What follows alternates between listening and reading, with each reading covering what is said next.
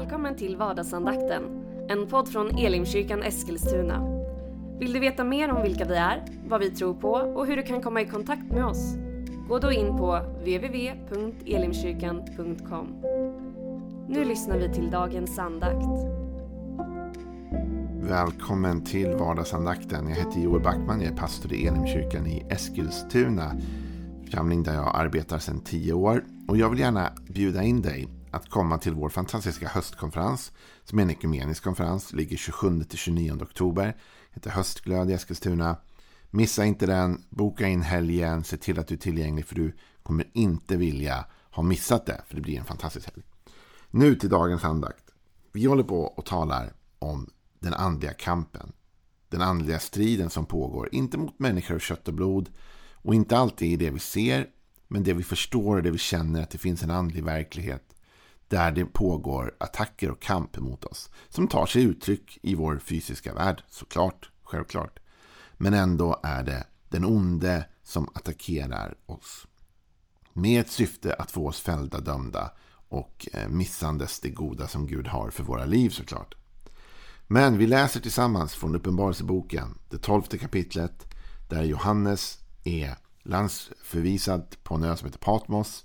Han har en stor syn och nu är vi tolv kapitel in i den synen. När han säger detta då i vers 7 där. Och det blev en strid i himlen. Mikael och hans änglar stred mot draken och draken och hans änglar stred. Men han var inte stark nog och det fanns inte längre någon plats för dem i himlen. Och den store draken, den gamle ormen som kallas djävul och satan och som förleder hela världen kastades ner på jorden och hans änglar kastades ner med honom. Och jag hörde en stark röst i himmelen säga Nu tillhör frälsningen och makten och riket vår Gud och väldet hans mode. För våra bröders åklagare är nedkastad, han som dag och natt anklagade dem inför Gud. De övervann honom genom Lammets blod och genom sitt vittnesbördsord. De älskade inte sitt liv så högt att de drog sig undan döden. Igår så talade vi om att det finns en åklagare Satan på hebreiska betyder åklagare. Som är ute efter att anklaga oss inför Gud. Dag och natt till och med står det att han anklagar oss i den här rättegångsliknande bilden då. Men i vers 11 står det att vi då, de övervann honom genom lammets blod och genom sitt vittnesbörds ord. Här talar Johannes om vad han ser. Han ser en åklagare, Satan, som anklagar de troende och anklagar alla människor egentligen. Hela tiden, dygnet runt. Och vi talade igår om att som tur är har vi en försvarare som heter Jesus. Det står att om någon av oss syndar så har vi en som för vår talan inför Herren. Jesus. Så Jesus talar för oss, försvarar oss. Och vi vinner den här kampen. Johannes såg en åklagare som dygnet runt åklagade, anklagade. Han såg också att han förlorade. De här vann. De bröderna, de anklagade bröderna, de vann. Hur? De övervann honom genom Lammets blod och genom sitt vittnesbörds skull och genom att de inte värderade sitt liv så högt att de drog sig undan döden. Men låt oss stanna vid det här första idag. Lammets blod. Vet du, du och jag blir anklagade. Och om vi tror att vi kan ta oss ur de här anklagelserna själva, då har vi inte förstått mycket av den andliga verkligheten. Därför du och jag har syndat gentemot Gud. Vi har alla brutit mot Guds bud och regler. Vi har alla vänt oss bort ifrån Gud. Någon gång i vårt liv har vi alla gjort sånt vi inte borde göra. Och åklagaren vet det. Och han har bevisen för det. Och han säger, titta här, det här är vad de gjorde. Det här är vad Joel gjorde. Det här är vad någon annan gjorde. Och om jag tror att jag kan snacka mig ur det, då har jag fel. Därför det är ändå så att den domare vi har är en rättfärdig domare.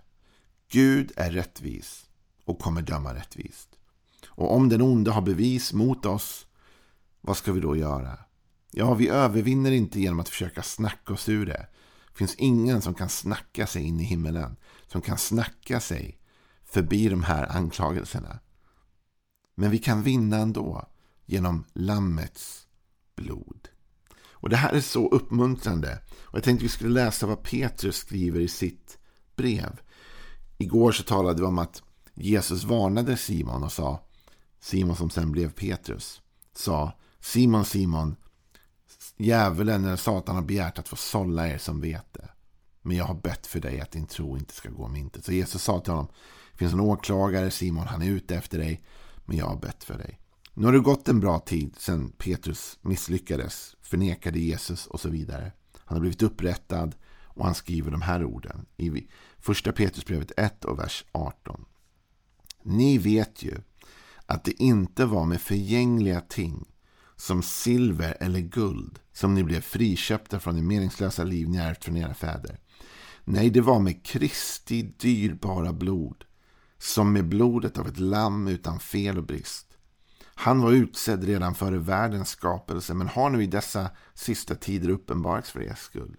Genom honom tror ni på Gud som har uppväckt honom från de döda och gett honom härlighet så att, ni, så att er tro och ert hopp står till Gud. Du och jag är friköpta. Vi är på ett sätt dömda skyldiga men vi är friköpta genom Lammets blod.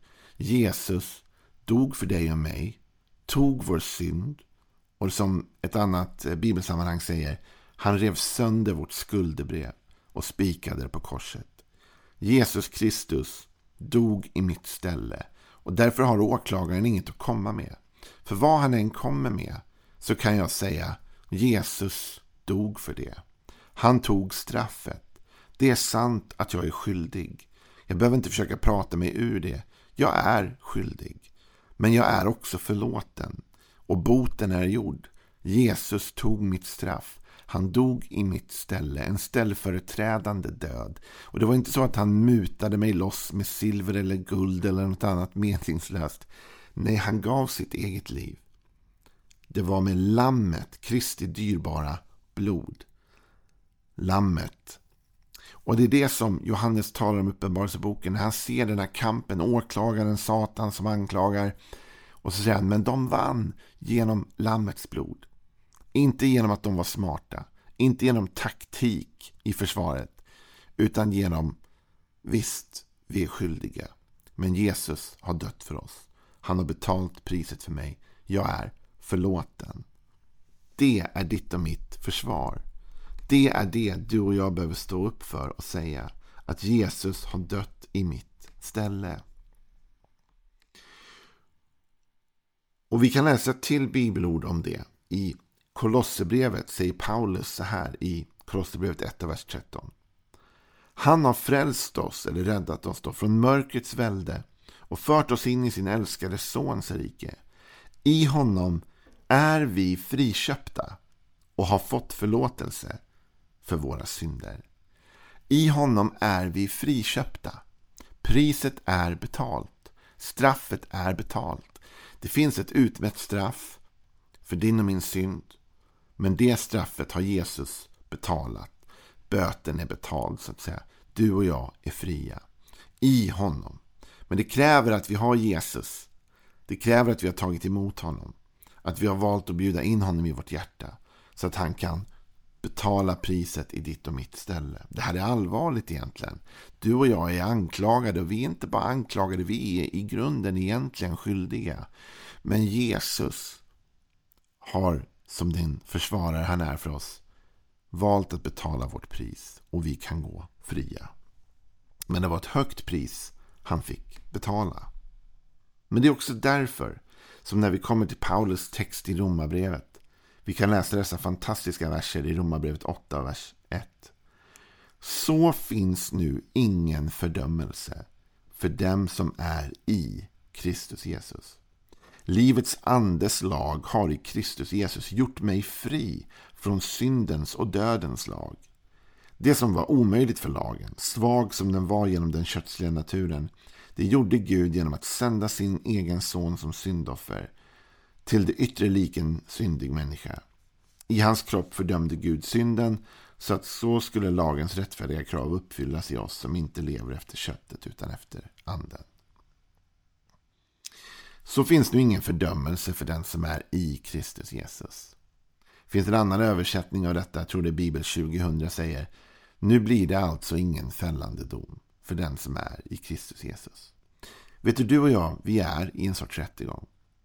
Men det blir ingen fällande dom för dig och mig. Därför Jesus har friköpt oss. Han har med sitt eget blod betalt för våra synder och räddat oss. Men det är också därför vi behöver ha Jesus. Vi behöver se till att det är han som är vår försvarsadvokat. För det finns ingen annan som har betalt det här priset. Det finns ingen annan som har offrat sig på det sättet. Det finns ingen som har kommit hit och dött i ditt ställe förutom Jesus. Och därför när Jesus står upp i den så att säga andliga rättegången, om man ska använda det uttrycket, den bildspråket, så är han den enda som kan säga Joel blir, kan inte bli dömd för detta. Därför jag har tagit hans plats. Jag har blivit dömd i hans ställe och jag har betalt priset. Jag har offrat mitt eget liv, mitt eget blod och därför blir Joel fri. Och det är därför jag är i evig tacksamhetsskuld till honom. Det är därför jag är skyldig honom allt, för jag är förlåten. Han dog för mig. Det är en, för vissa som har varit kristna länge kanske en, en väldigt basic, grundläggande tanke. Men den är aldrig så djup. Och den går aldrig att nog vara tacksam för. Han dog för mig. Och det betyder att jag är fri. Och det betyder att åklagaren trots sina försök dag och natt att anklaga mig inför Gud så kommer han till korta. Därför Jesus Kristus står mellan mig och domen. Jesus står mellan mig och döden. Jesus står där och säger mitt blod är garanten. Han går fri. Man kan säga, jag gillar att kolla på advokatserier. Man kan säga att det är som en sorts plea deal där de förhandlar du vet, en uppgörelse. Där Jesus till slut säger okej okay, vi gör så här. Joel blir fri men ni får mig istället. Jag dör i hans ställe. Och så går vi med på detta och så blir jag fri. Det blir ingen fällande dom för den som är i Kristus Jesus. Men vad viktigt att vi då har Jesus. Vad viktigt att vi har bjudit in honom i vårt liv, i vårt hjärta. Och säger Jesus, välkommen in i mitt liv. För att avsluta skulle jag vilja gå tillbaka till Romarbrevet kapitel 8 igen. Och landa i lite av, av på något sätt Paulus då slutkläm kring de här frågorna. I Romarbrevet 8, vers 33 står det. Vem kan anklaga Guds utvalda? Gud är den som frikänner. Vem är det som fördömer? Kristus Jesus är den som har dött, ja, än mer den som har blivit uppväckt och som sitter på Guds högra sida och vädjar för oss. Vem kan skilja oss från Kristi kärlek? Nöd eller ångest, förföljelse eller svält, nakenhet, fara eller svärd. Det står ju skrivet för din skull dödas vi dagen lång och vi räknas som slaktfår.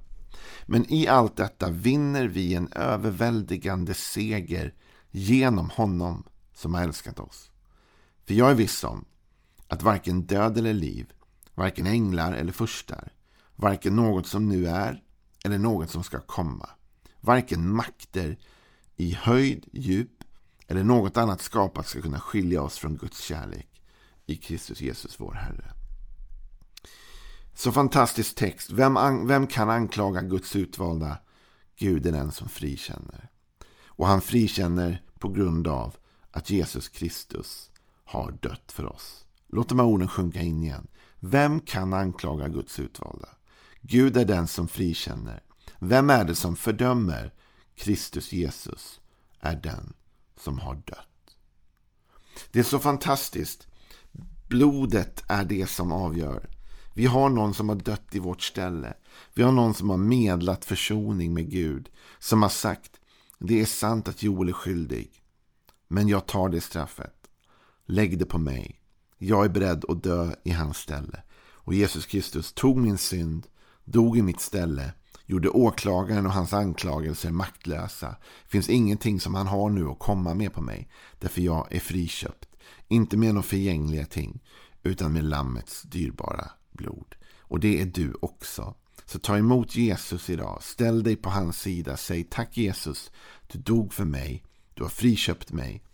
Och vi vet den underbara storyn också att Jesus Kristus inte bara förblev död. Nej, han uppstod igen från de döda och sitter på Faderns högra sida och där i härlighet. Ha en välsignad dag. Vi är tillbaks på måndag igen med lite nya tankar. Fram tills dess, ha en välsignad helg. Hej då. Du har nu lyssnat till vardagsandakten från Elimkyrkan Eskilstuna. Du har väl inte missat att vi finns på sociala medier? Eller att vi varje söndag firar gudstjänst? Hoppas att vi ses där.